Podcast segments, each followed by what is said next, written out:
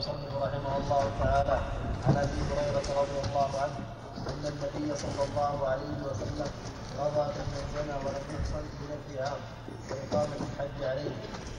وعن الشعبي أن علي رضي الله عنه حين غزل المرأة ضربها يوم الخميس وقال وقال جلدتها بكتاب الله ورجمتها بسنة رسول الله صلى الله عليه وسلم. رواهما أحمد والبخاري. بس بس. إحنا كنا نتكلم على حديث أبي هريرة وزيد بن خالد وما فيه من الفوائد. وعرض علي أحدكم أمس ما أدري هو حاضر اليوم ولا لا. اي نعم عرض علي أنه استنبط منه فوق مئتي فائدة. نعم.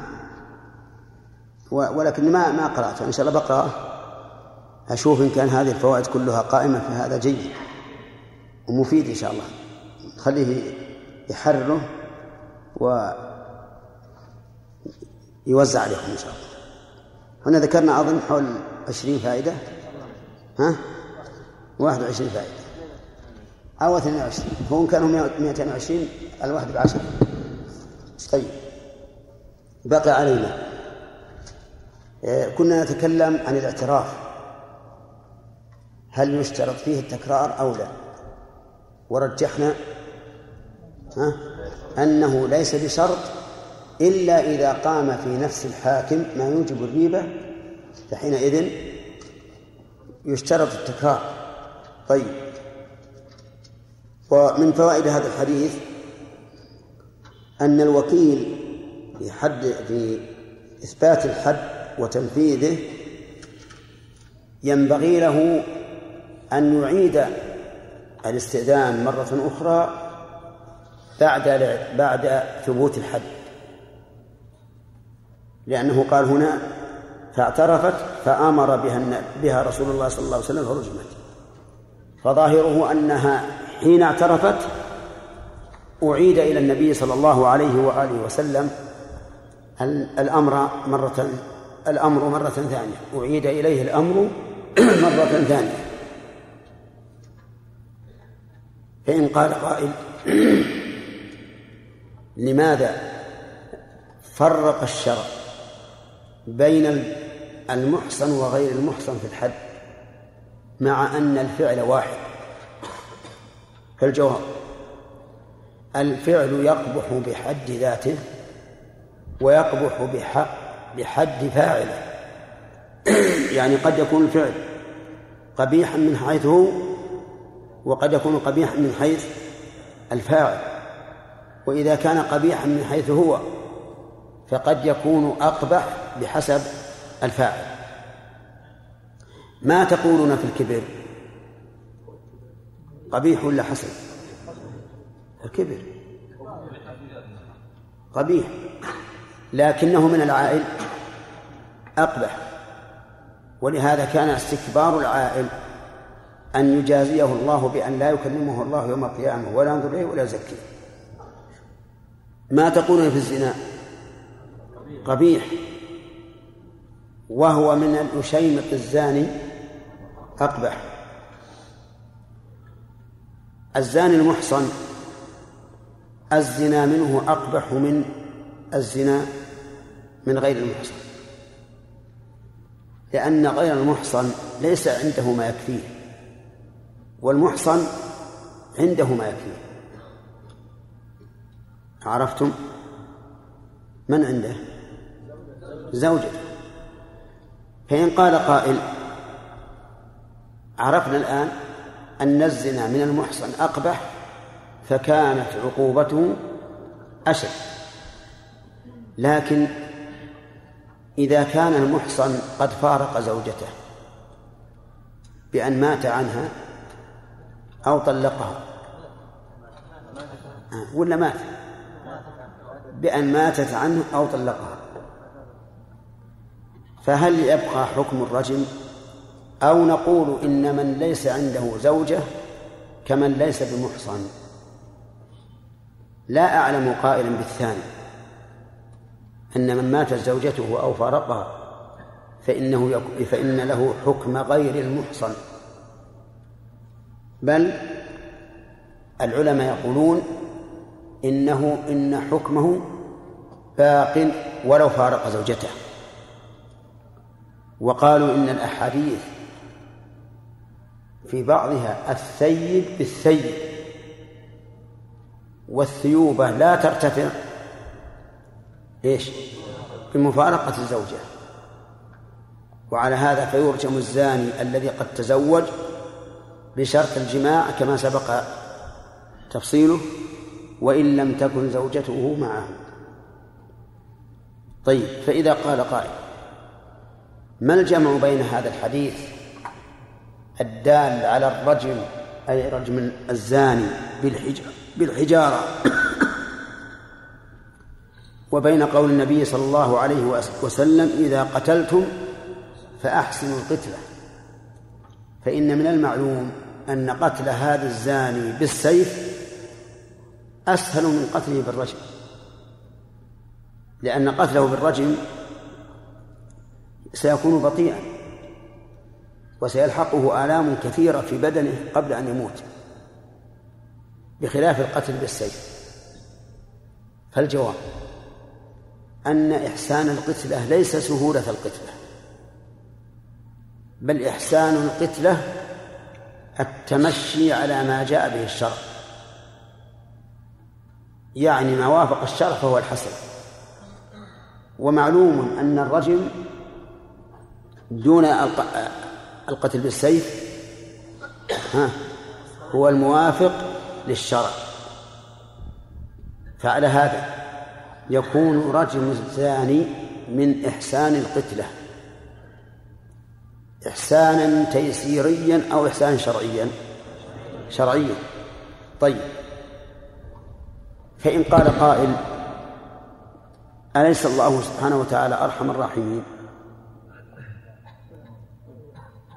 والمقصود إعدام هذا الرجل. فلماذا لم يكن إعدامه بالسيف؟ فالجواب أن إعدامه بالرجم موافق للرحمة تماما. موافق للرحمة تماما. كيف ذلك؟ الزاني تحصل اللذة والمتعة بزنا لجميع البدن. كل البدن يستأنس. أو الفرج فقط. نعم؟ كل البدن وهذا الذي استأنس بالمعصية يحتاج كل عضو من منه أن ينكل به ويعاقب. وعقوبة الدنيا أهون من عقوبة الآخرة. إذن فكان مقتضى الرحمة أن ينال أن أن ينال جسده كله عقوبة الدنيا دون عقوبة الآخرة. وهذا هو الحكمة من كونه جعل رجما لا قتلا لا قتلا بالسيف. وجه آخر من كونه رحمة أنه يكون نكالا لغيره. نكالا لغيره.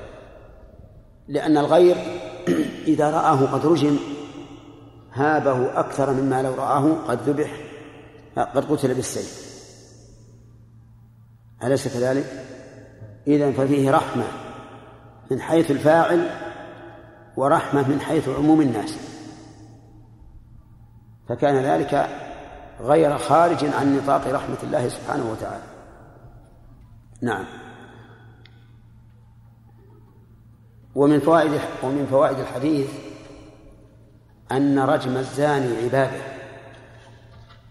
عبادة للراجم وجلده عبادة أيضا. وجهه أنه أمر به شرعا وكل ما أمر به شرعا فهو عبادة.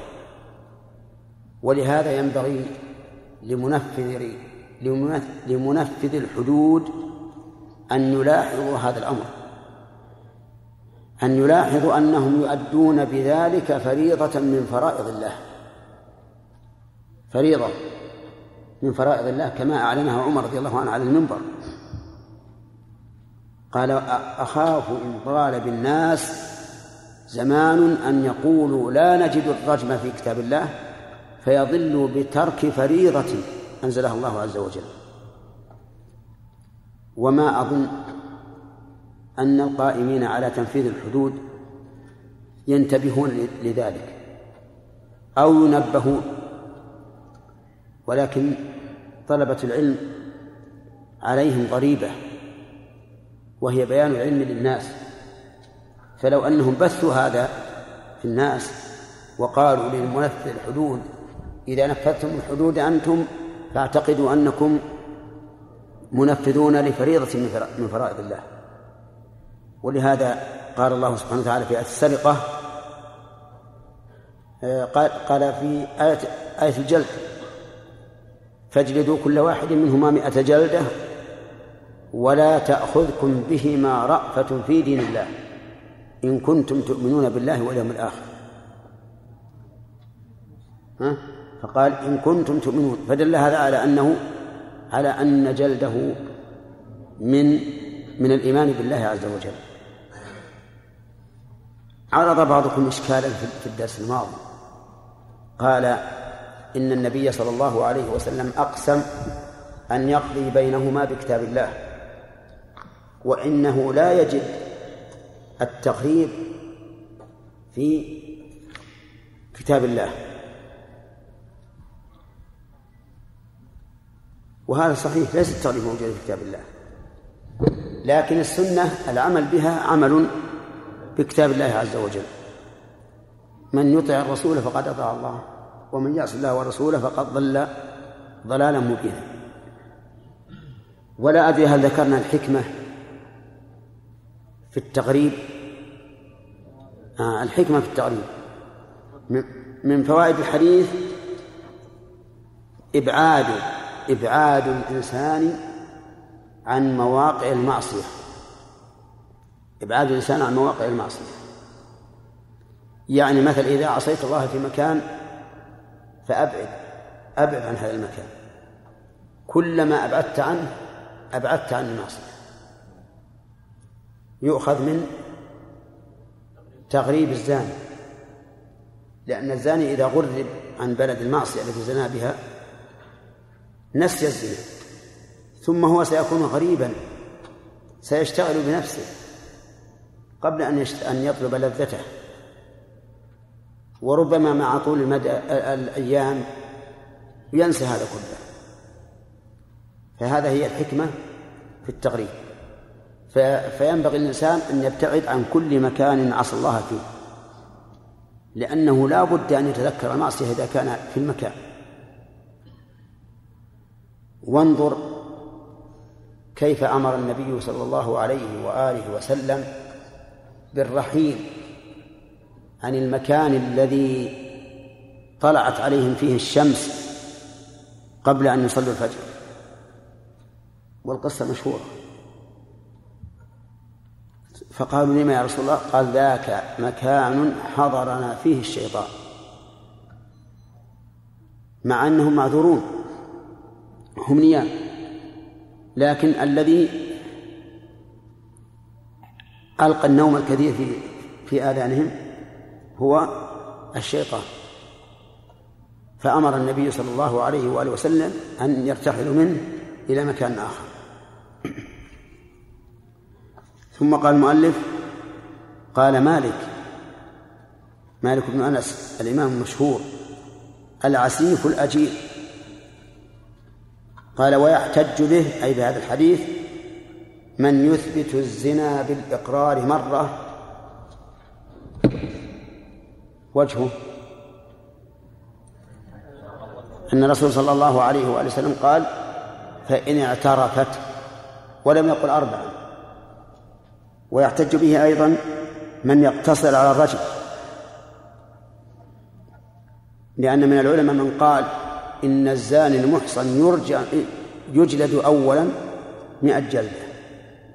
أخذا بعموم الآية.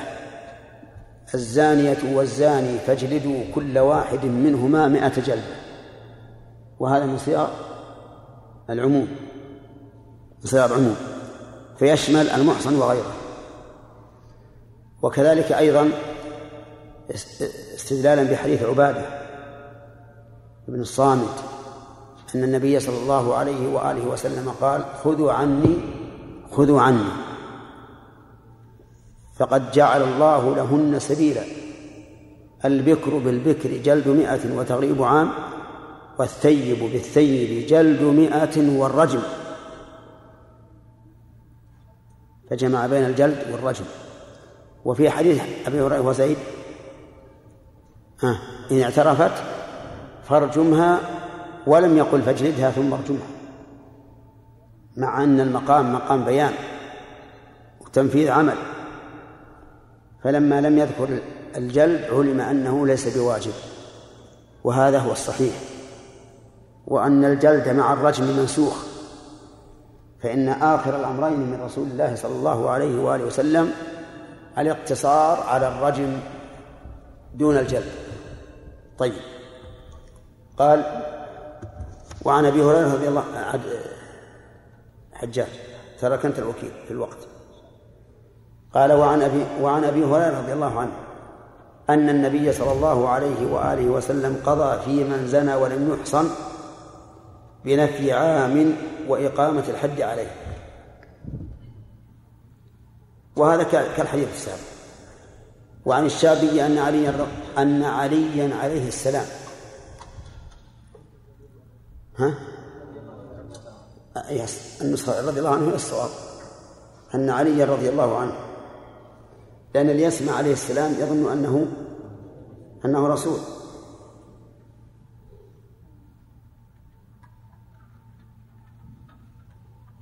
أن علي رضي الله عنه حين رجم المرأة ضربها يوم الخميس ورجمها يوم الجمعة وقال جلدتها بكتاب الله ورجمتها بسنة رسول الله صلى الله عليه وسلم رواهما أحمد والبخاري. ويعتذر عن فعل علي لأنه لعله لم يسمع أن آخر الأمرين من رسول الله صلى الله عليه وآله وسلم هو على اقتصار على الرجل. وإلا فإنه يقال له نعم أنت ضربتها بكتاب الله أو جلدتها بكتاب الله لأن الله قال الزاني والزاني فاجلدوا كل واحد منهما مائة جلدة. ورجمتها بسنة رسول الله لأن لأن الله الرسول رجم. فجمع بينهما رضي الله عنه. وهذا الاستدلال جيد لولا أن السنة وردت بخلافه. وهو الاقتصار على رجم محسن ثم إن قوله رجمتها بسنة رسول الله يدل أيضا على أنه لم يعلم في الآية النازلة التي نسخ لفظها وبقي حكمها. اللهم إلا أن يريد بكتاب الله الذي لم ينسخ لفظه. وهذا هو الأقرب. الأقرب هو هذا. نعم قصدي بسنة رسول الله ويريد أنها انتفى أن يكون بكتاب الله لأنه نسخ. انتفى أن يكون الرجم بكتاب الله لأن لفظه نسخ. وهذا هو الأقرب. وفي توزيع الجلد والرجم على يومين فقه عظيم لعلي رضي الله عنه. لأنه لو جلدها ثم رجمها في الحال لم تستفد من الجلد شيئا. إذ أنها بمجرد ما تحس بألمه إيش؟ ترجم ويزول الألم. لكن إذا جلدت في يوم ورجمت في آخر ذاقت ألماء الجلد. إذا جلدت في يوم ورجمت في آخر فإنها تذوق ألم الجلد في, في هذه المدة. قال وعن عبادة بن الصامت قال قال رسول الله صلى الله عليه وآله وسلم خذوا عني خذوا عني قد جعل الله لهن سبيلا. البكر بالبكر جلد مائة ونفي سنة. والثيب بالثيب جلد مائة والرجل. رواه الجماعة إلا البخاري والنسائي. قول خذوا عني خذوا عني. قد جعل الله لهن سبيلا. يشير إلى قوله تعالى واللاتي يأتين الفاحشة من نسائكم فاستشهدوا عليهن أربعة منكم فإن شهدوا فأمسكوهن في البيوت حتى يتوفاهن الموت أو يجعل الله لهن سبيلا. هنا قال قد جعل الله لهن سبيلا. وهو دليل على أن تحديد عقوبة الزاني بوحي من الله. لأنه قال قد جعل الله لهن سبيلا. ثم ذكر. يستفاد من هذا الحديث فوائد. أولا أنه ينبغي للعالم أن يحث الناس على تلقي علمه. لقوله خذوا عني خذوا عني. وهذا تأكيد الجملة الثانية تأكيد للأولى. ولا يقال إن هذا من العالم دعوة لتفخيم نفسه وأن يكون رئيسا في قومه وما أشبه ذلك. لأن نقول لأننا نقول هذا فعل الرسول عليه الصلاة والسلام. والعالم إذا فعله يجب أن نحسن الظن به. أما فيما بينه وبين الله فهو على نيته. قد ينوي بذلك أن يصرف وجوه الناس إليه بقول خذوا عني وقد يقصد بذلك أن يأخذ الناس منه شاء الله. ولكل امرئ ما نوى. الهجرة الانتقال من بلد الشرك إلى بلد الإسلام من الناس من يهاجر إلى الله ورسوله ومن الناس من يهاجر إلى دنيا أو امرأة. ها؟ نعم. هنا هذا إشكال مهم. يقول كيف نغرب المرأة؟ الجواب إن وجدنا محرما يذهب معها ويصونها. أو غربناها إلى بلد لها فيه محارم. يحفظونها فهذا ظاهر ما في إشكال. لكن إذا لم يكن لها محرم في البلد الذي تغرب إليه فإنها تبقى في بلدها لكن تحبس. تحبس. نعم. نعم. لا لا ما يجوز. هذا هذا مما يزيد الأمر شدة. نعم.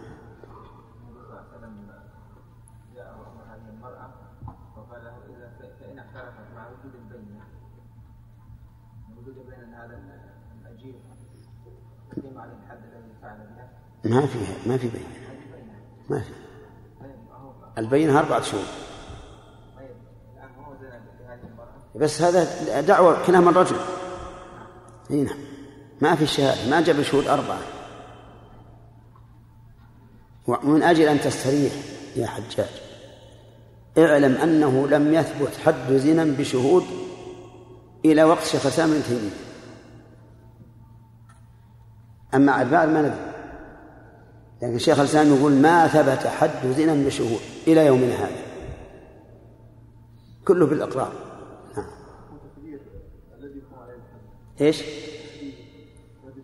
إيه؟ سؤال. هل يجوز أن نخدر من يقام عليه الحد؟ ما قصد به الإعلام فلا يجوز. ما قصد به الإعلام فلا يجوز. وما قصد به الإعدام فيجوز. هذا من الحدود. فقطع يد السارق يجوز أن نخدره. لأنه ليس المقصود إلى إلامة المقصود إعدام هذا العضو وما قصد به الإيلام كالرجل. فإننا لا, لا نخده. إذا خلى خد ما ما يدريه تمسه شيء. ريشه ولا ولا حجر ما يصلح. كذلك القصاص لا يمكن. القصاص لو خدرنا ولو في قطع اليد ما اقتصصنا لأن الجاني آلم المجني عليه. والقصاص لا بد فيه من التساوي من التماثل. عرفت؟ قل نعم ولا لا؟ لا ونعم لا يا الآن الوجه الذي يجوز فيه التخدير ها إلى السابق. لا ما هل قطع يد المسروق منه؟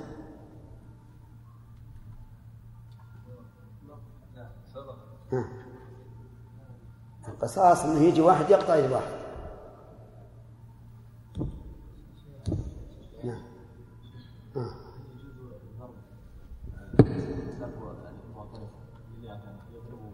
إيش؟ رجل سرق أو فعل شيء يضربه بعد يعترف يضربه؟ لا يعترف بالضرب؟ لا ما يجوز نعم.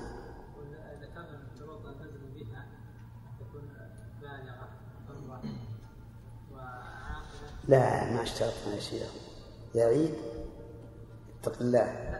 بها من أجل أن يقام على الزاني يقام الحد يعني من زنى بمجنونة فليس عليه شيء لا من أجل قصد زوجة نعم زوجة في اشترط تكون عاقلة وحرة وبالغة طيب لو آه، يعني قل قل اشترط عن الإحصان إي نعم. إي إي نعم. لكن لو كانت زوجته كبيرة في السن أو شوهة وقلنا العلة لأنها لا تكمل بها شهوة والكبيرة والشوهة ما تكمل بها اللذة لكنه تزوجها وجمعها ها؟ تزوجها وجمعها أي تزوجها طيب أليس تزوجها لأجل قضاء الوطر؟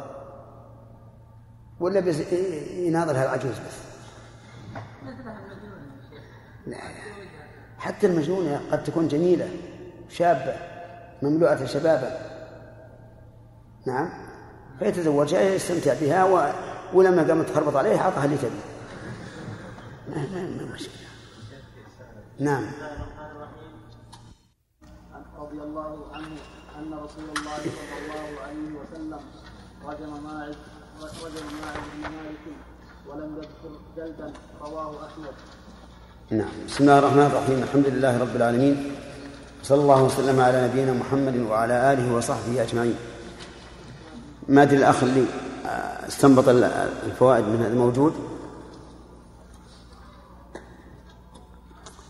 طيب. مر علينا مسائل كثيرة. أهمها أن حد الزاني المحصن ها الرجل. ثم هل يضاف إلى ذلك الجلد أو لا؟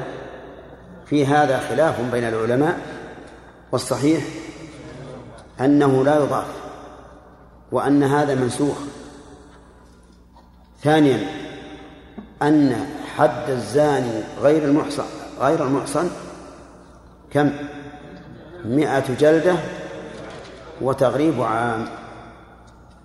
وأورد علينا بعضكم أمس ماذا يكون الأمر بالنسبة للمرأة؟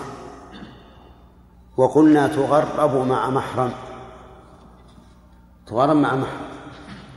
ولا يجوز أن تغرب بلا محرم لأن تغريبها بما بلا محرم سيكون أعظم فسادا.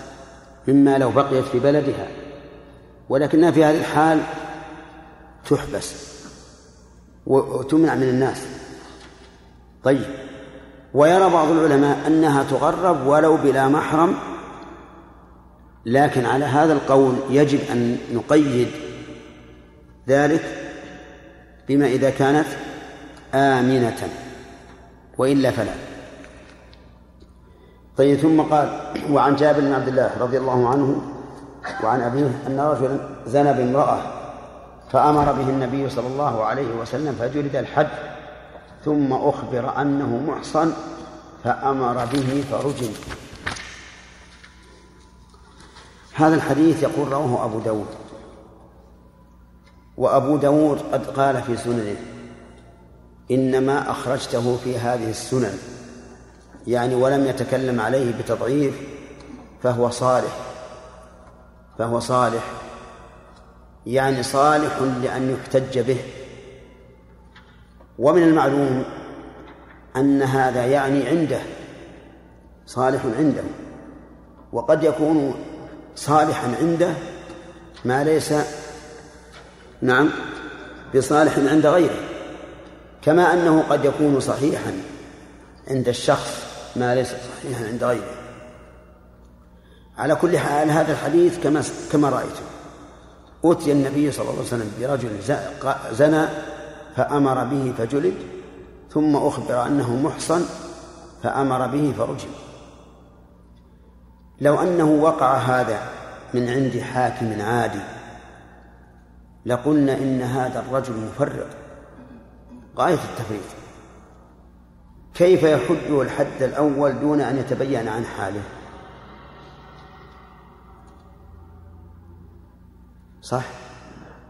لأن الواجب على الحاكم أن لا يستر الحكم إلا بعد التصور وكما قيل الحكم على الشيء فرع عن تصوره. ورسول الله صلى الله عليه وآله وسلم أنزهه أن يصدر حكما دون أن يتبين لأنه جرى من المفسدة على هذا الحكم الصادر بدون تبين أن هذا الحد أقيم عليه أن هذا الرجل أقيم عليه حدا وهذا بعيد. ولذلك يجب أن ينظر في سند هذا الحديث ونكلف. طيب هذا أنت عنده يا خالد. خالد ومازن يحرر لنا هذا الحديث. وغدا يأتي بعد غد يأتي عندي إن شاء الله يوم الأربعاء.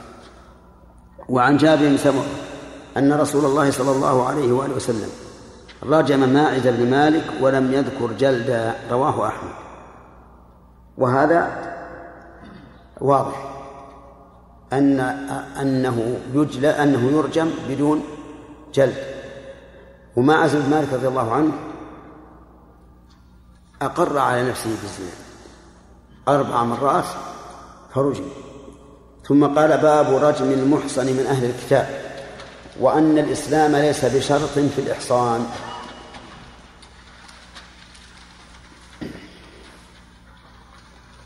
الإسلام ليس بشرط في الإحصان. فلو أحصن الإنسان وهو كافر ثم ماتت زوجته ثم أسلم. هل يبقى هل نقول إنه محصن أو نقول إن هذا الرجل أحصن وهو كافر ثم زال الإحصان قبل إسلامه فلا يكون محصنا؟ الجواب الأول يعني أن الإنسان يكون محصنا ولو كان كافرا.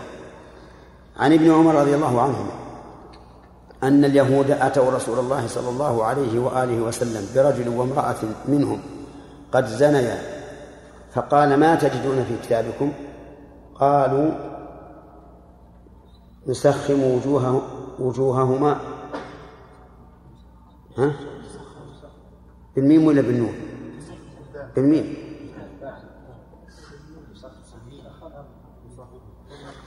والله ما تكاثر الضماع على فراش. نبي واحد يتكلم بس. ها وش تقول؟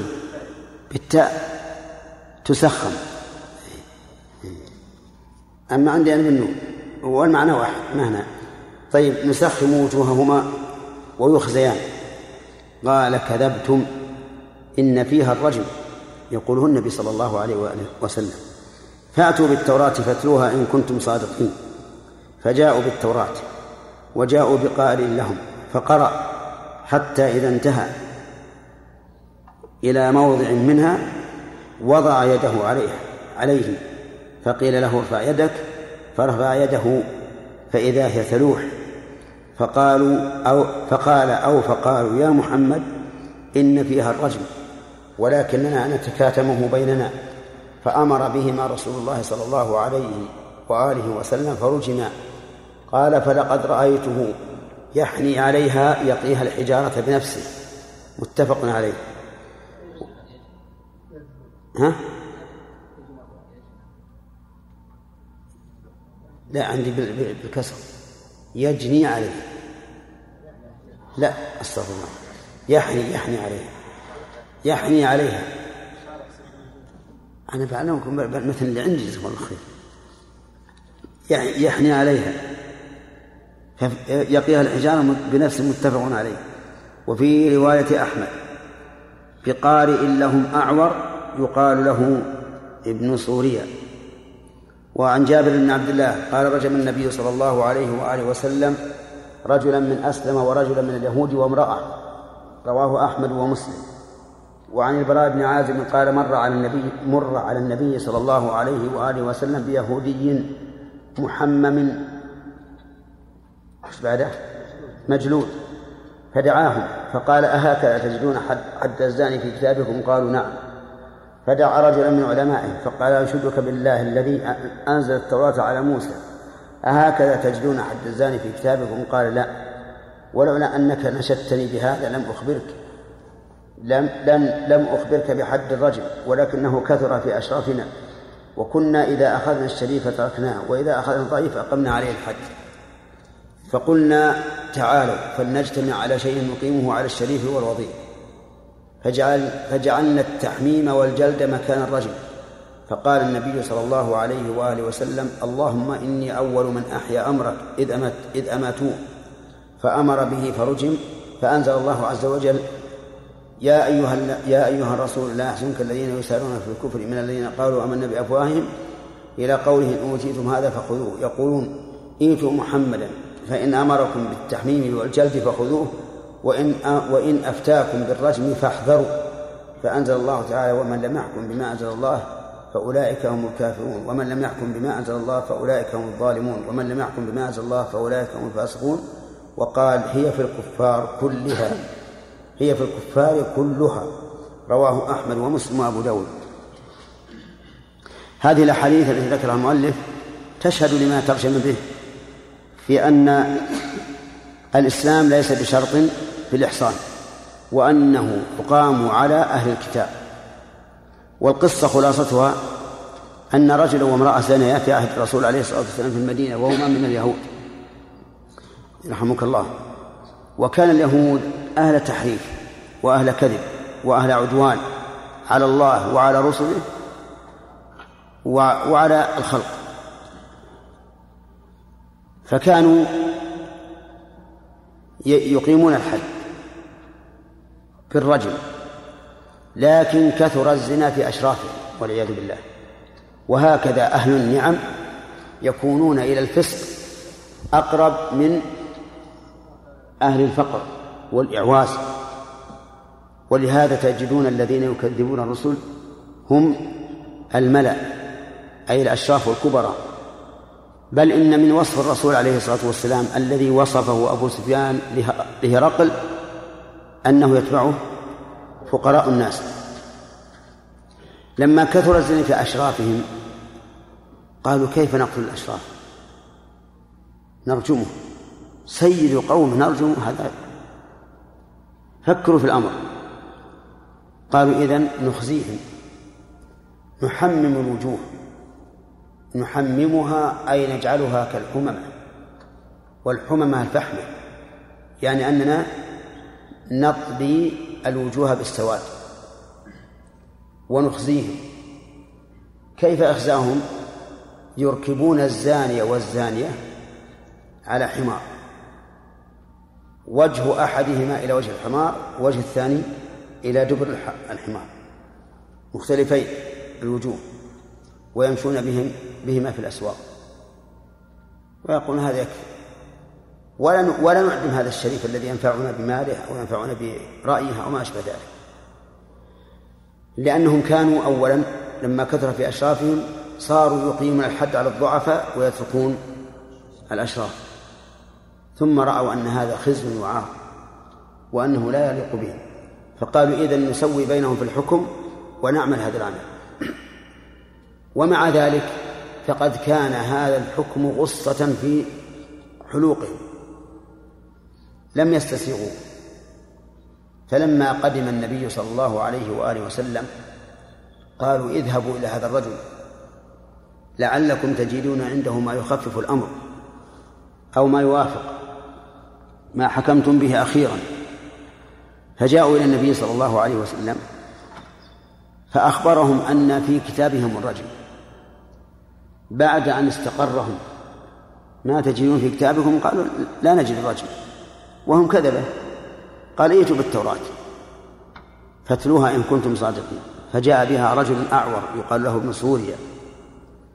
فجعل يقرأها على النبي صلى الله عليه وسلم.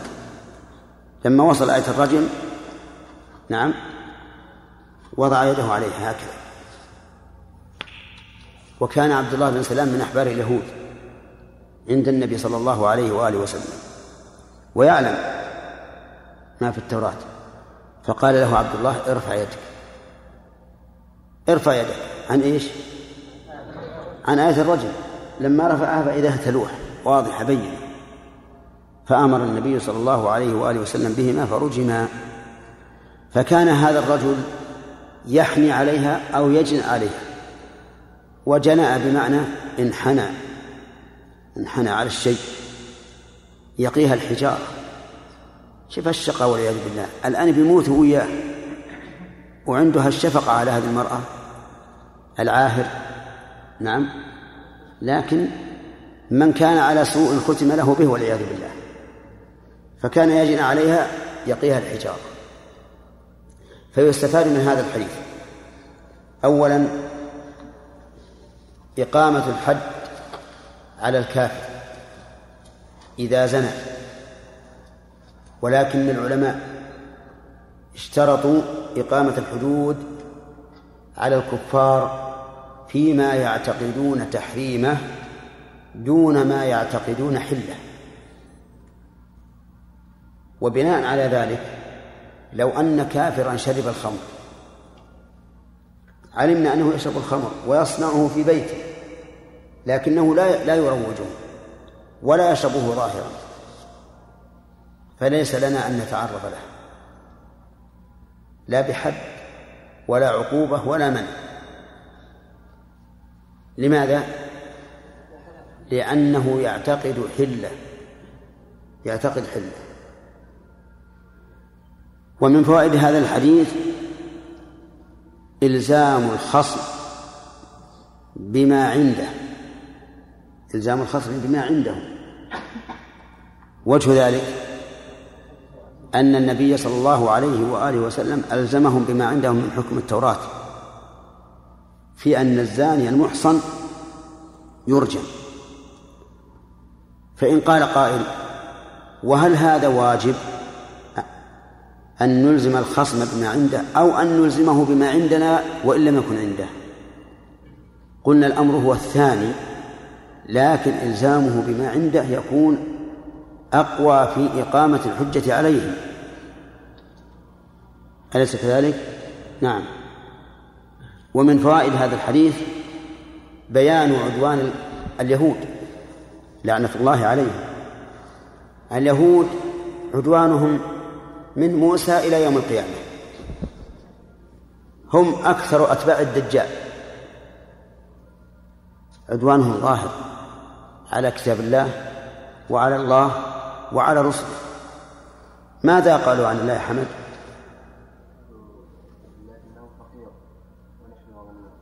وقالوا إن يد الله مغلولة. وقالوا إن الله تعب لما خلق الخلق في ستة أيام. لما صار يوم الجمعة وإذا هو تعبان مرة فلما كان يوم السبت استراح. اليوم إجازة. ما في خلق ولا شيء. فوصف الله بماذا؟ بالعجز فهم أشد الناس عدوانا على الله وعلى رسله وعلى كتبه.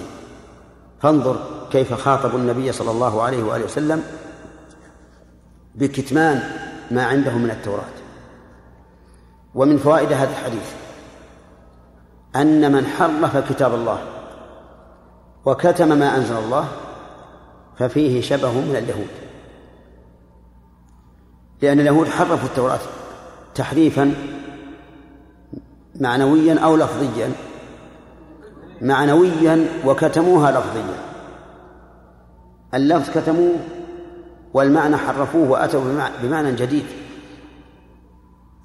ومن فوائد هذا الحديث الخطورة العظيمة في من استبدلوا قانون الله بقوانين وضعية متلقاة من الكفار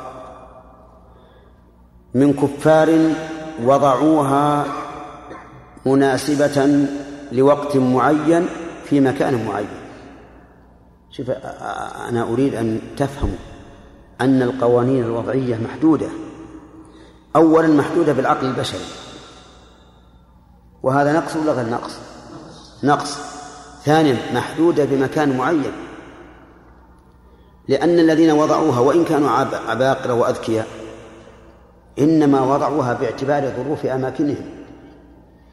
في في مكان معين قد يكون هذا القانون مناسبا لهذا المكان لكن غير مناسب لمكان آخر. أليس كذلك؟ طيب. ثانيا محدودة من جهة الزمان. من جهة الزمان. لأن واضع القانون إنما وضعه في زمانه. وهل يتغير الزمان أو لا؟ يتغير لا شك. يتغير الزمان. الأمم لا تبقى على حال واحد. فقد يكون هذا القانون مناسبا في ذلك الزمن غير مناسب في زمن آخر. كم هذه؟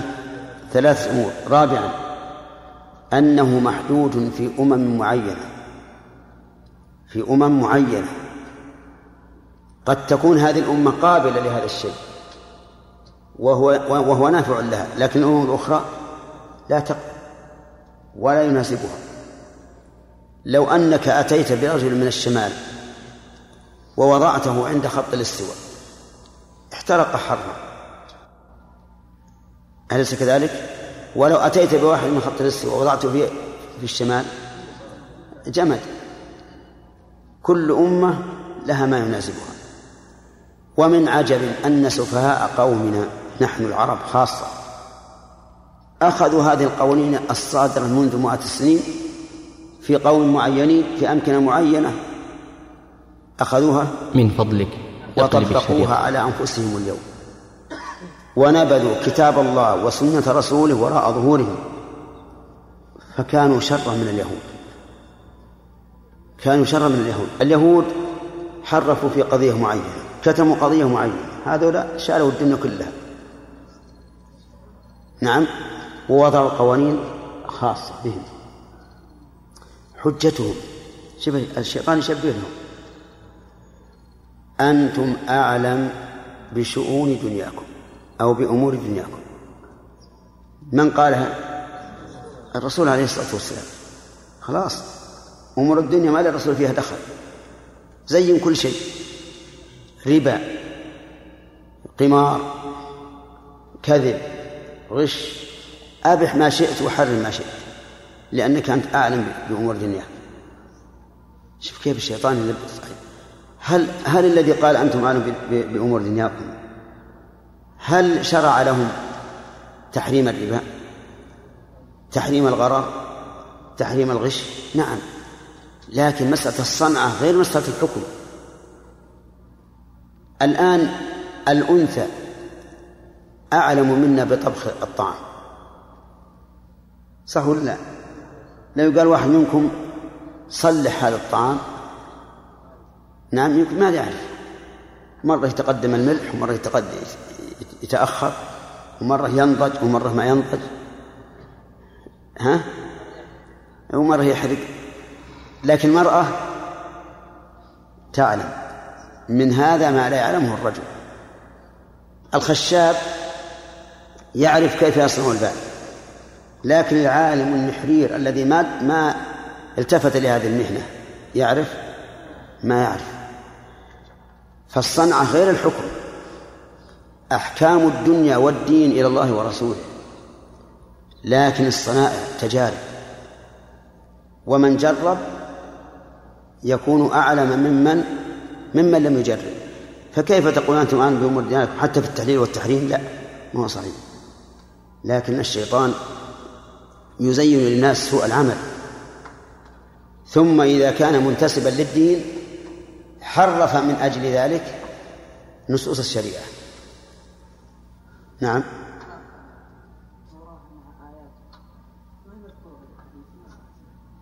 كيف؟ صح. هي هي, هي آيات. التوراة فيها مواقف. أي لأنك لأن التوراة منزلة من عند الله.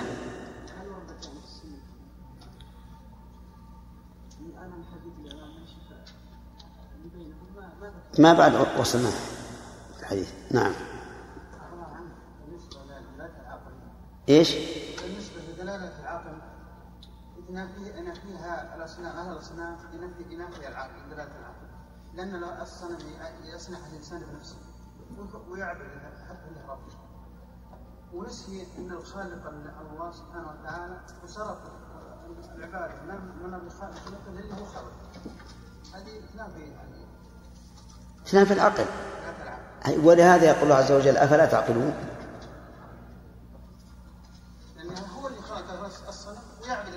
أي كما مثلهم كمثل الذي ينعق بما لا يصنع إلا دعاء ونداء صم بكم عمي فهم لا يعقلون. نعم. إيش؟ يكون يعني مثلا يسجل أو لا لا يترك لكنه يغرب إلى غير بلده. مثلا إذا كان إذا وقع الزنا في الرياض وبلده الخرج ما ننفيه الخرج نقول برا لا لا لا نج... نلزمه. بأن يبقى في بلد التي غلب إليها. نعم. لما أخبر النبي صلى الله عليه وسلم أنها ذات رجل هل لو ستر عليه أجر الذي يخبر؟ الستر عن المجرم هو ما مر علينا.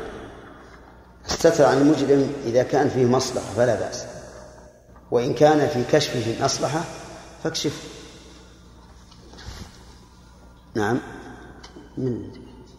أنت. هذا يقال في حتى بالنسبة لما ذكر له ان الرسول صلى الله عليه وسلم يعتبر هو الامام نعم ان يعتبر ربع عمر الامام بما ان خليفه صلى الله عليه وسلم اليس كذلك؟ ما فهمت. يعني اذا إذا وصل أمر الإمام لا يجب علينا في محكم الحد بلى. طيب الرسول صلى الله عليه وسلم لم يكن اماما في ذلك الوقت بلى والآن. نقول اقصد الحجة في كلام الأخ نقول ان الستر قد يكون هو المصلحه ولكن الأمر رفع للإمام. فما أصبح فيه يعني؟ لا ما ما هو قصد. أنت قصد الشفاعة؟ لا لا أنا أقصد ستر يعني لما لما يقصد هل يستر هل يستر الإنسان على المجرم أو لا؟ أما إذا وصلت الحدود إلى السلطان فلا شفاعة. نعم. يصف موقوفا على جابر. وقلنا الحمد لله. لأن كون من فعل جابر وأنه جلده أولا ثم أخبر بأنه محصن أهون من أن يقع من من الرسول عليه الصلاة والسلام.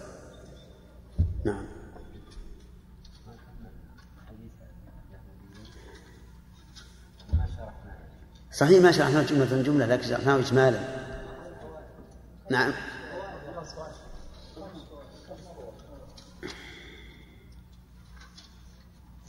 شرحنا أنا أذكر أن شرحناه وقلنا سبب كثرة الزنا في الإشراك أنها تكثر عليهم النعم ويتفرغون للأشياء هذه. ها؟ إيه وقصة أيضا. طيب. طيب فيه في يمكن أهم شيء عندكم مسألة الحكم بغير ما أنزل الله. نعم؟ فأنزل الله تبارك وتعالى ومن لم يحكم بما أنزل الله فأولئك هم الكافرون. ومن لم يحكم بما أنزل الله فأولئك هم الظالمون. ومن لم يحكم بما أنزل الله فأولئك هم الفاسقون. وقال هي في الكفار كلها. هي في الكفار كلها.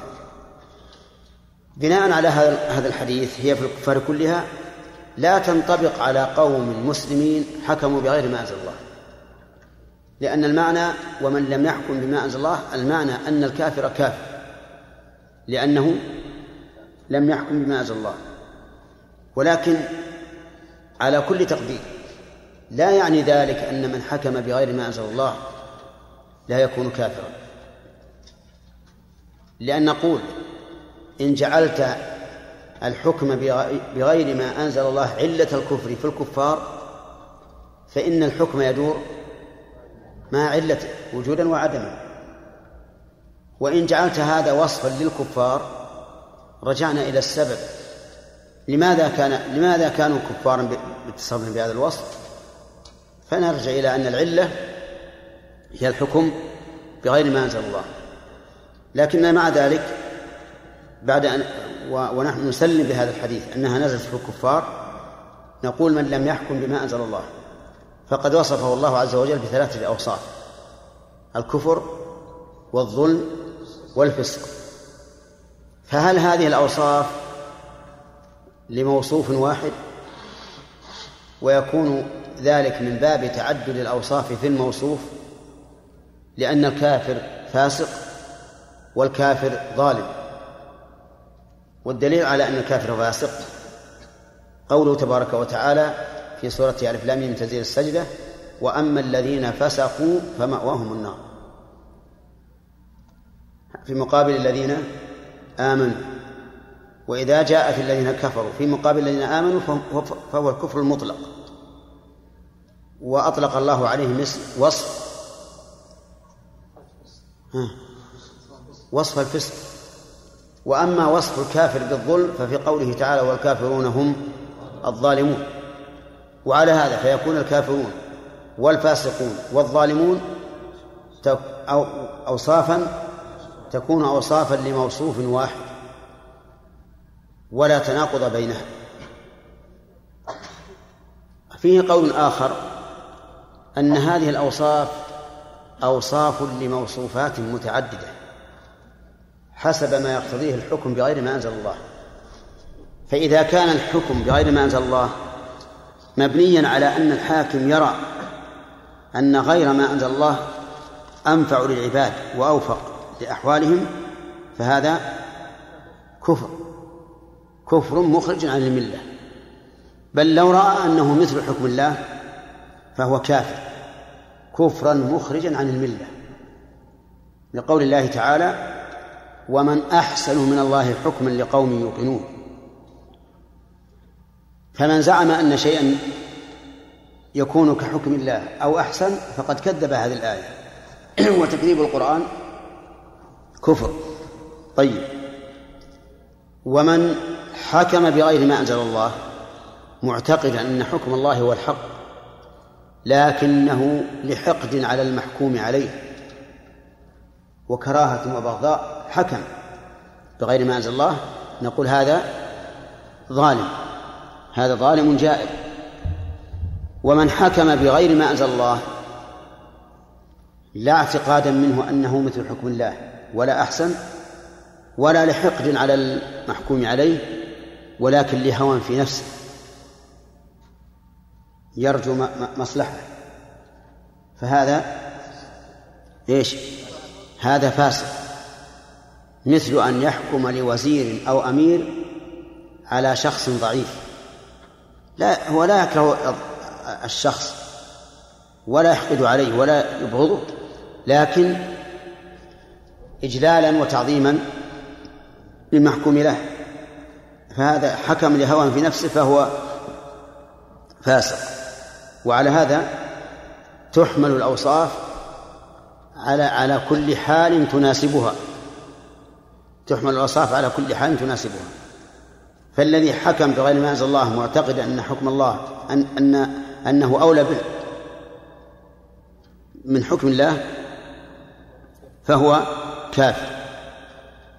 ومن حكم ظلما وجورا على المحكوم عليه فهو ظالم. ومن حكم هوى لنفسه فهو فاسق. وعلى كل حال فإننا إذا نظرنا في القوانين الوضعية التي اختارها من حكم من يحكم بها أو من جعلها مرجعا للناس دون كتاب الله وسنة رسوله فإنها تنطبق على أي الأقسام؟ على الأول الذي هو الكفر. لأن من اعتقد أن حكما سوى حكم الله ورسوله أصلح للخلق وأنفع للخلق من حكم الله ورسوله فلا شك في الكفر. كافر. يعني لأنه لم يختر حكم الله ورسوله. ولا أراده مع قدرته على تنفيذه فيكون كافرا. طيب. نعم.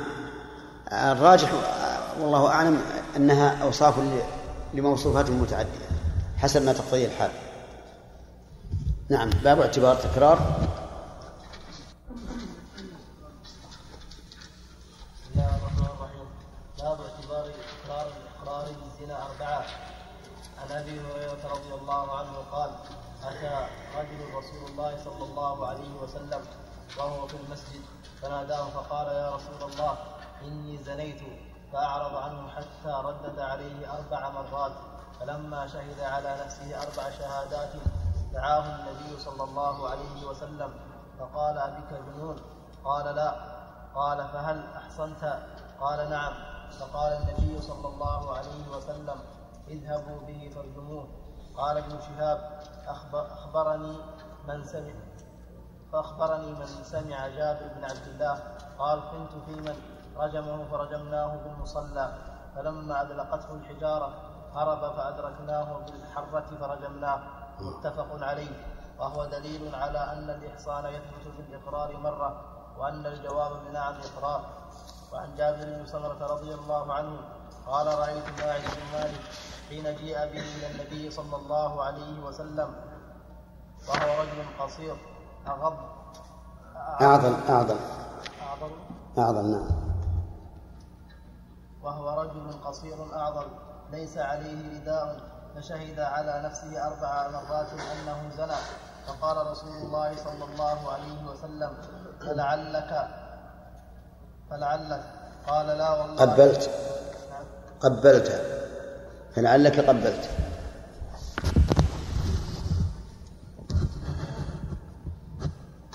فلعلك قبلت. قال لا والله إنه قد زنى. قال لا والله إنه قد زنى الآخر لا الأخير.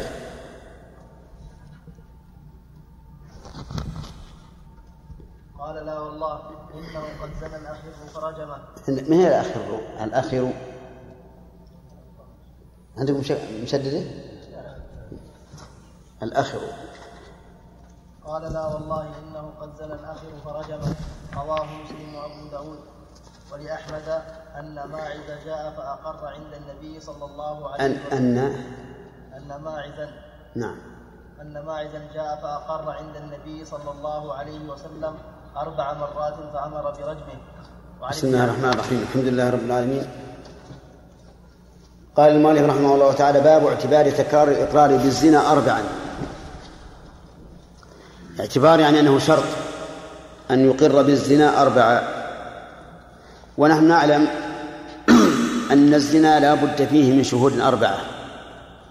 لقول الله تعالى لولا جاءوا عليه بأربعة شهداء فإذ لم يأتوا بالشهداء فأولئك عند الله هم الكاذبون. أربعة شهداء رجال. وأنهم إذا لم يأتوا بالأربعة فهم عند الله هم الكاذبون وإن كانوا صادقين في نفس الواقع لكنهم في حكم الله كاذبون. ولهذا قال فأولئك عند الله ولم يقل فأولئك هم الكاذبون لأن قد تكون شهادتهم صحيح واقعة. لو جاء ثلاثة يشهدون على رجل بأنه زنى ورأوه رأي العين فهذا فالزنا واقع لكنه في حكم الله وعند الله ليس بواقع هم كذبة قذفة. يجلد كل واحد منهم ثمانين جلدة. سبحان الله. رأوا رجلا يزني بامرأة رأي العين رأوا ذكره في فرجه وجاءوا يشهدون. نقول الشهادة لم تتم. وإذا لم تتم فأنتم قذفة. نجلد كل واحد منكم ثمانين جلدة. حد القذف. فإن كانوا أربعة ثبت الزنا. فهل الإقرار مبني على الشهادة؟ يعني لا بد فيه من أربع مرات. أو الإقرار اعتراف الإنسان على نفسه وكونه يعترف على نفسه قرينة ظاهرة بأنه صادق. لأنه لا أحد لا أحد يدنس نفسه بالزنا إلا وهو متيقن وصادق. ولهذا مر علينا في قصة العسيف أن النبي صلى الله عليه وآله وسلم قال لأنيس اغد يا أنيس إلى امرأة هذا ها فإن اعترفت فارجمها.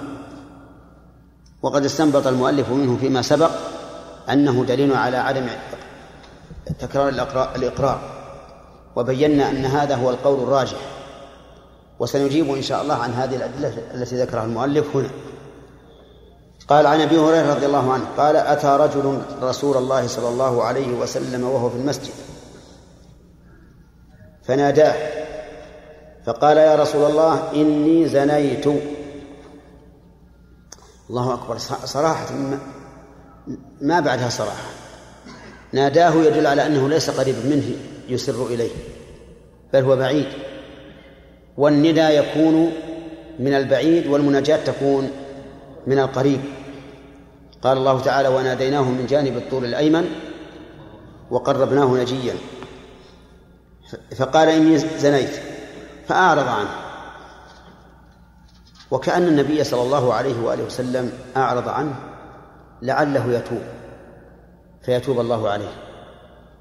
لأنه لو تاب وتاب الله عليه فإنه يرفع عنه الحد فأعرض عنه حتى ردد عليه أربع مرات. وهو يقول زنيت فيعرض زنيت فيعرض زنيت فيعرض زنيت الرابعة. يقول فلما شهد على نفسه أربع شهادات دعاه النبي صلى الله عليه وسلم صلى الله عليه وآله وسلم. فقال أبك جنون فلما شهد على نفسه هو أقر والإقرار على النفس شهادة عليها. لقول الله تعالى يا أيها الذين آمنوا كونوا قوامين بالقسط شهداء لله ولو على أنفسكم ولو على أنفسكم. فجعل الإقرار شهادة. فلما شهد على نفسه أربع, أربع شهادات دعاه النبي صلى الله عليه وآله وسلم فقال أبك جنون؟ قال لا. يسأله هل هو مجنون قال لا. وهنا آه، نسأل ما هو الجنون؟ الجنون فقد العقل. مأخوذ من الاجتنان لأن العقل تغير واجتن استتر فلم يكن ظاهرا. وسؤاله أبيه جنون. لو قال قائل هل هذا السؤال في محله؟ يسأله أبيه جنون. إذ أن الإنسان سيقول لا وإن كان في عقله خلل. فيقال السؤال في محله. لأنه إما عتاب وإما استفهام حقيقي. إما عتاب كأنه يقول كيف تقر؟ أنت مجنون؟ توب إلى الله فيما بينك وبين ربك وانصرف.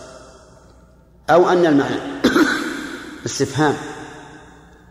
أبك جنون فإذا أجاب بالجواب المركز علم أنه إيش؟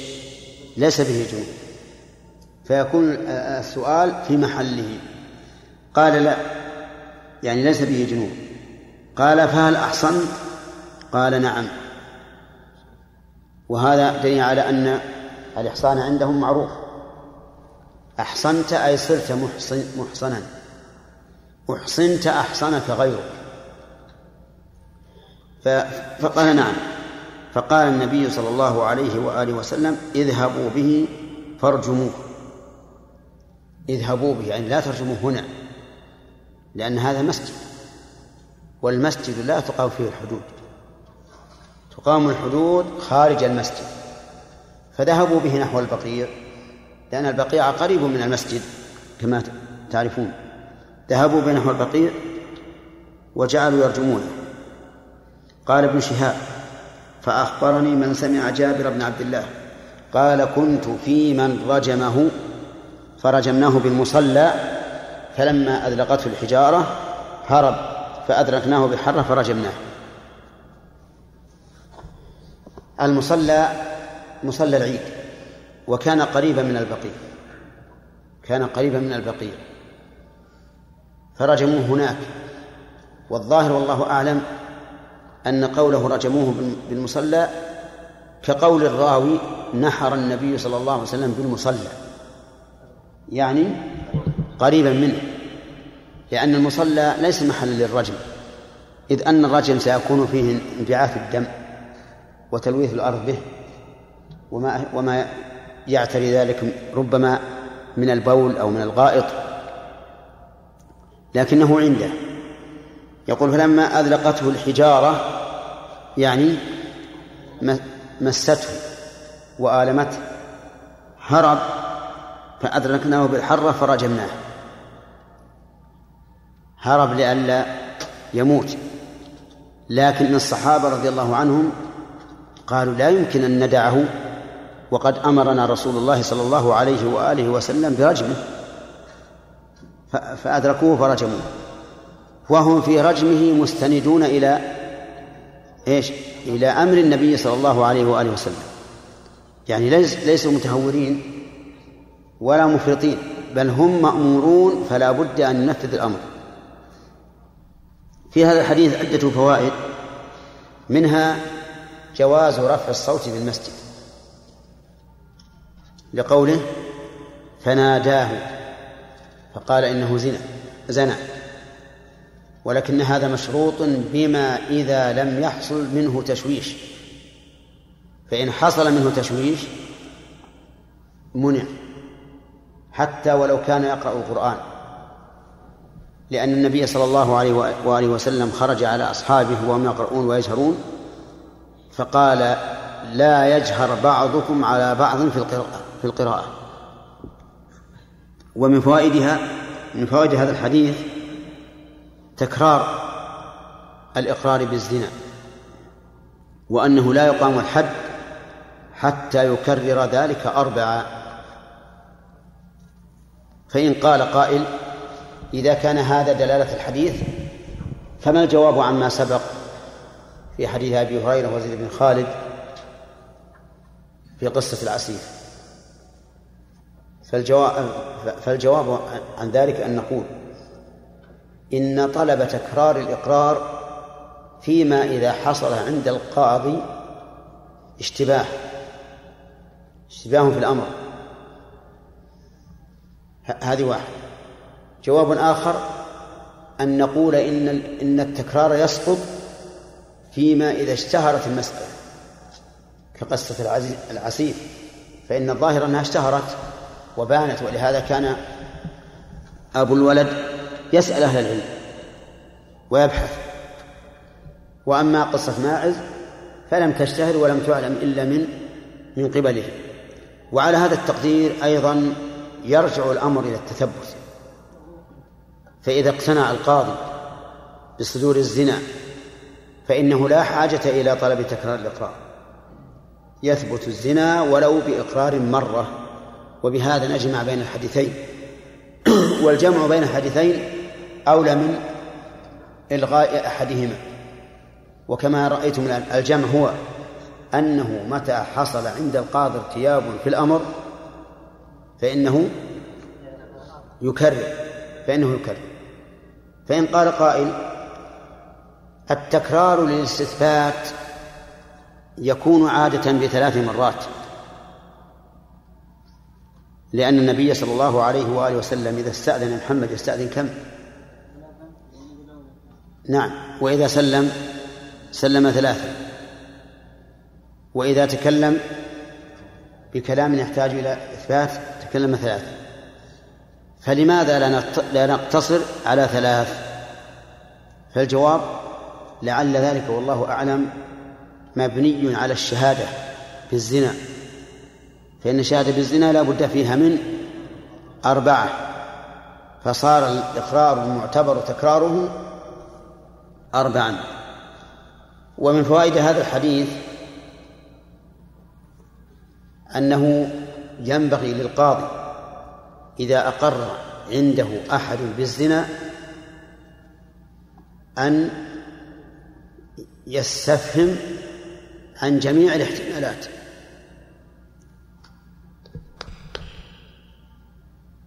من أين يؤخذ؟ أبك جنوب هل أحصنت حتى يكون حكمه مبنيا على يقين لا سيما في الحدود التي تدرأ بالشبهات طيب ومن فوائد هذا الحديث أن إقرار المجنون غير معتبر يا خالد أين أنت خالد؟ إيش اسمك؟ ابن ابن حامد. أن إقرار المجنون لا يعتبر. من أين يؤخذ؟ من قوله أبك جنون. فإن قال قائل إن الرسول عليه الصلاة والسلام استفهم ولم ندري ماذا يكون لو قال نعم أو لا. قلنا لكن السياق يقتضي أنه لو كان به جنون لم يعتبر إقراره. وعلى هذا فيشترط لصحة الإقرار أن يكون المقر عاقلا. طيب.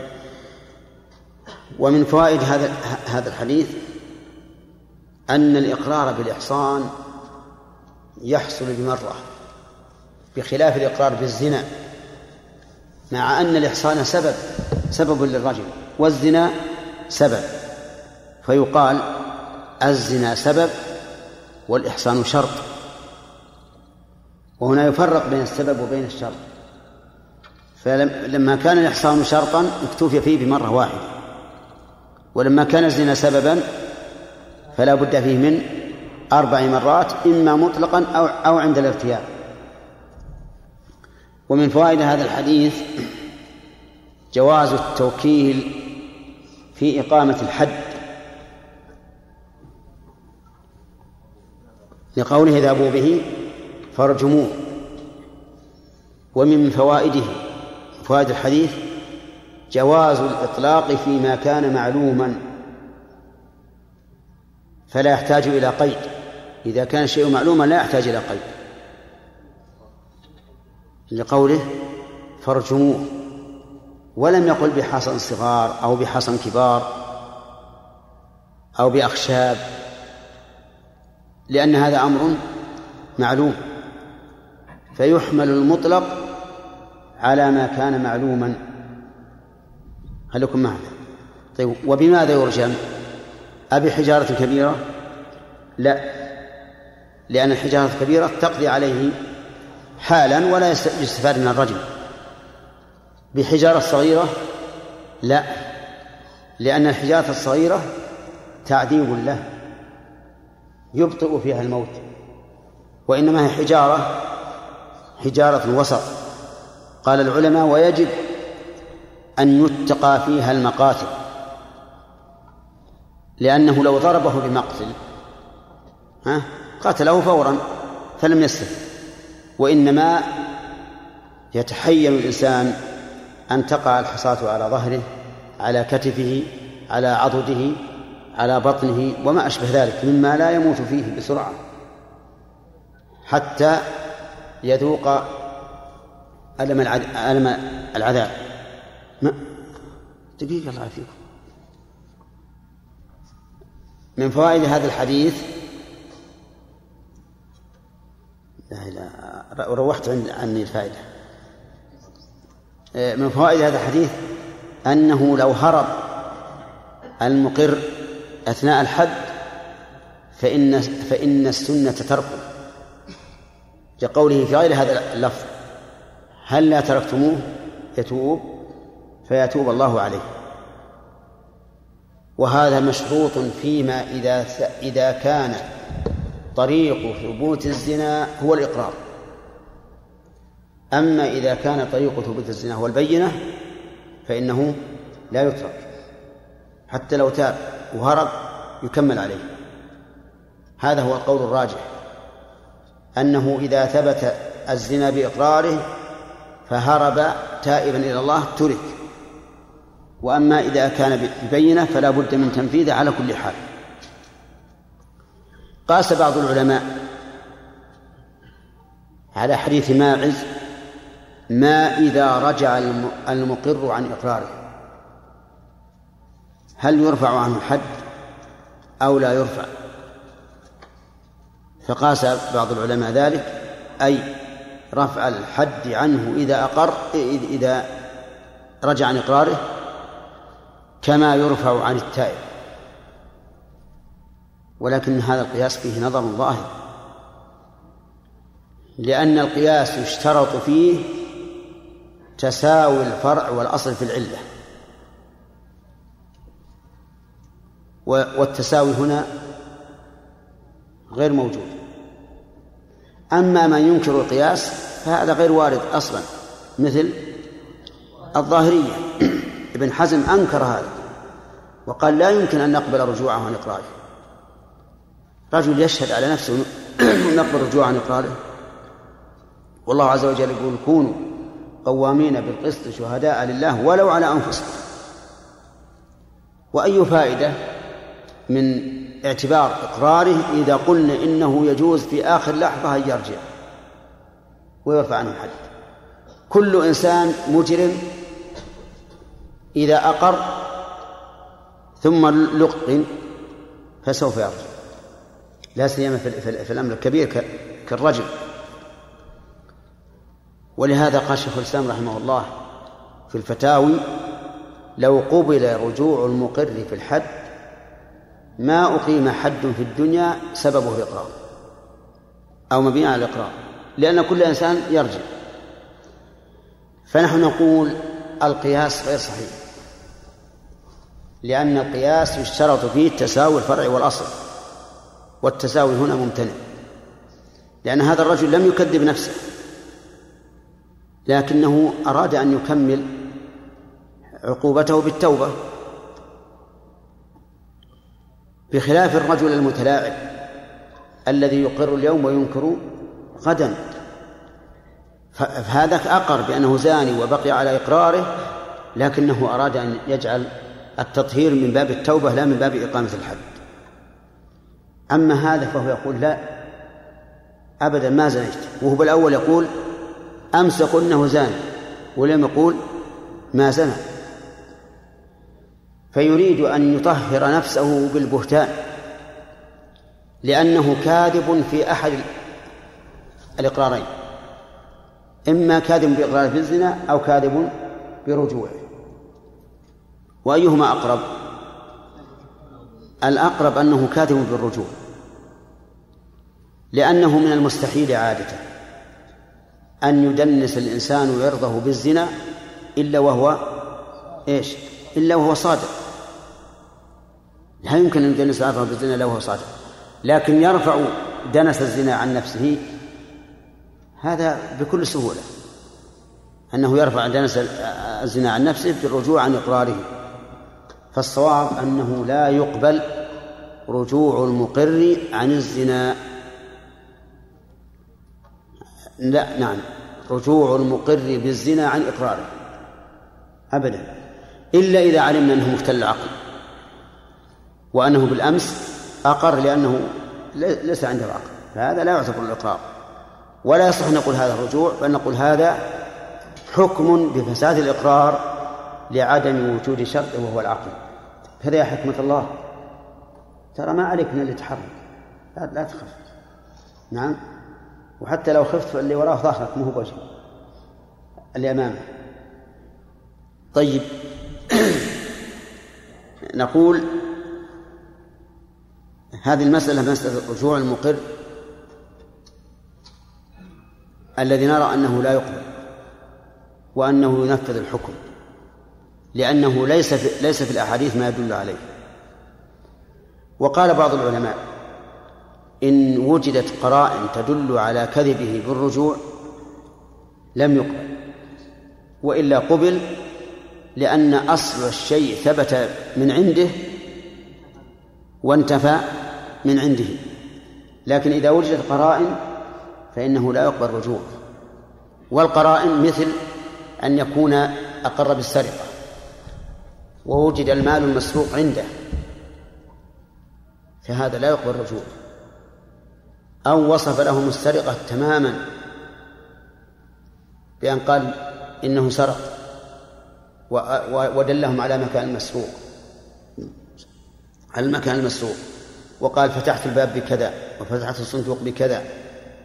نعم وصفه وصفا دقيقا فهنا إيش؟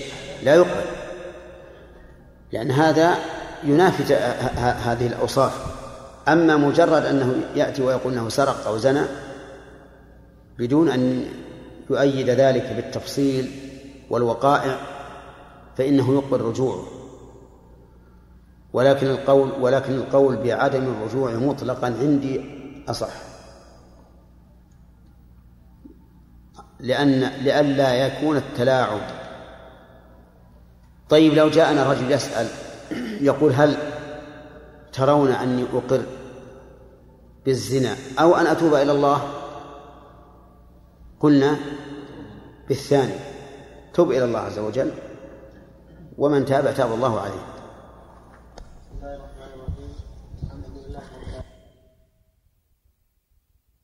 خله تصح تصح أنه زنى فقال رسول الله صلى الله عليه وسلم فلعلك قبلت. قال لا. والله إنه قد زنى. والله والله إنه قد زنى الأ- الأخر فرجمه. رواه مسلم وأبو داود. ولأحمد أن ماعزا جاء فأقر عند النبي صلى الله عليه وسلم أربع مرات فأمر برجمه بسم الله الرحمن الرحيم. الحمد لله رب العالمين وصلى الله وسلم على نبينا محمد وعلى آله وأصحابه أجمعين. سبق في حديث أبي هريرة قصة ماعز رضي الله عنه وأن الرسول عليه الصلاة والسلام أعرض عنه حتى شهد على نفسه أربع مرات. واستنبط منه المؤلف أن الإحصان يثبت بالإقرار مرة يثبت بالإقرار مرة. من أين يؤخذ؟ سأله هل أحصنت؟ قال نعم. وبينا أمس الفرق بين الشهادة بالسبب والشهادة بالشرط. فالإقرار بالسبب لا بد فيه من أربع مرات وبالشرط يكفي مرة واحدة. وقول المؤلف أن الجواب بنعم إقرار. صحيح. هذا استنباط صحيح. لقوله في جواب هل أحصنت؟ قال نعم.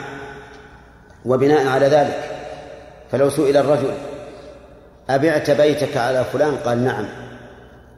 لكان هذا إقرارا. ولو سئل أوقفت بيتك على فلان؟ قال نعم فهو إقرار. ولو سئل أطلقت امرأتك؟ قال نعم فهو إقرار. ولو سئل ألك زوجة؟ قال لا فهو إقرار. أو هذه غير نعم. يعني هذا غير نعم. لو سئل لك ألك زوجة؟ قال لا. وأراد أن يكذب على السائل. قل لا يعني ما عندي زوجة وهو كاذب. فإن الزوجة لا تطلق وإن أراد بقوله لا الطلاق فإنها تطلق. بخلاف نعم. نعم صريح في الجواب. ولو سئل الزوج بعد إيجاب الولي في النكاح أقبلت؟ فقال نعم. كان قبولا. طيب. وعن جابر بن سمرة رضي الله عنه قال رأيت ماعز بن مالك جيء به إلى النبي صلى الله عليه وآله وسلم وهو رجل قصير أعضل يعني ذا عضلات شديد مفتول الخلق ليس عليه رداء. فشهد على نفسه أربع مرات أنه زنى. شهد على نفسه أنه زنى. هي بالفتح أفصح. قال الله تعالى شهد الله أنه لا إله إلا هو. ويجوز الكسر على تضمين شهد؟ قال قال إنه زنى. فالفتح أليق باللفظ والكسر على تضمين أشهد بمعنى نعم شهد بمعنى قال. فقال رسول الله صلى الله عليه وآله وسلم فلعلك قبلت؟ قال لا والله إنه قد زنى الأخر. الأخر صفة ذنب. فرجمه. وفي قول الرسول عليه الصلاة والسلام لعلك قبلت دليل على أنه لم ير ذاك الرجل العاقل التام العقل. فخاف أن يكون أطلق على التقبيل لفظ الزنا. كما أنه في الحديث الأول سأله هل به هل به جنون. ولهذا إذا تأملت قصة ماعز حق التأمل تبين لك أن النبي صلى الله عليه وآله وسلم لم يكرر معه الإقرار لفوات شرط الإقرار ولكن للشك في محله. وهل هو أهل للإقرار أم لا؟ والحديث فيه ما سبق من أنه يكرر الإقرار أربع مرات. وفيه دليل أيضا على أن التقبيل ونحوه لا يعد زنا والمراد لا يعد زنا يوجب الحد لكنه زنا يوجب التعزير لأن كل عضو من الإنسان يزني العين تزني والأذن تزني واليد تزني والرجل تزني يرحمك الله والجلد يزني كل شيء لكن الفرج يصدق ذلك أو يكذبه. إن زنى بفرجه والعياذ بالله صار زنا حقيقيا. وإن زنى وإن لم يزن بفرجه صار زنا إضافيا أي نسبيا. ليس الزنا المطلق يرحمك الله. ولأحمد أن ماعزا أن ما ونعم ولأحمد أن ماعزا جاء جاء فأقر عند النبي صلى الله عليه وآله وسلم أربع مرات فأمر برجمه. وعن ابن عباس رضي الله عنهما أن النبي صلى الله عليه وآله وسلم قال لماز بن مالك أحق ما بلغني عنك؟ قال وما بلغك عني؟ قال بلغني أنك قد و... أنك قد واقعت بجارية آل فلان. وقعت؟ أنك قد وقعت بجارية آل فلان. قال نعم. فشهد أربع شهادات فأمر به فرجم رواه فشهد أربع شهادات فأمر به فرجم رواه أحمد ومسلم وأبو داود والترمذي وصححه. كيف؟ كيف؟ عندنا فأمر به. فأمر به فرجم صحح التشكيل. رواه أحمد ومسلم وأبو داود والترمذي وصحح وهذا الحديث كما ترون متنه فيما بالنسبة لما سبق منكر لأن ما سبق كان ماعز هو الذي جاء إلى الرسول عليه الصلاة والسلام. وكان النبي صلى الله عليه وسلم يحب أن لا لا يتم الأمر لأنه كلما قال له أعرض عنه. أما هنا فهو يدل على أن الرسول هو الذي دعاه وصار ينقب عنه هل زنى أم لا. وهذا بعيد من من الرسول عليه الصلاة والسلام. كما أنه مخالف للألفاظ السابقة. ولذلك نحن هذا مر علينا وذكرنا أننا في شك من صحته وإن كان قد رواه مسلم. لأن الراوي قد يهم ويقول شيئا وإن كان من الحفاظ الأثبات فإنه ليس أحد معصوم من الوهم. وإذا نظرنا إلى القاعدة الشرعية في الحدود وأن الشرع يود دفعها بكل طريق حتى أنه روي عن النبي صلى الله عليه وسلم أنه قال ادروا الحدود بالشبهات ما استطعتم. تبين لنا أن في هذا نظرا وأن ماعزا هو الذي جاء وألقى بنفسه إلى رسول الله صلى الله عليه وآله وسلم. وفي رواية قال جاء ماعز.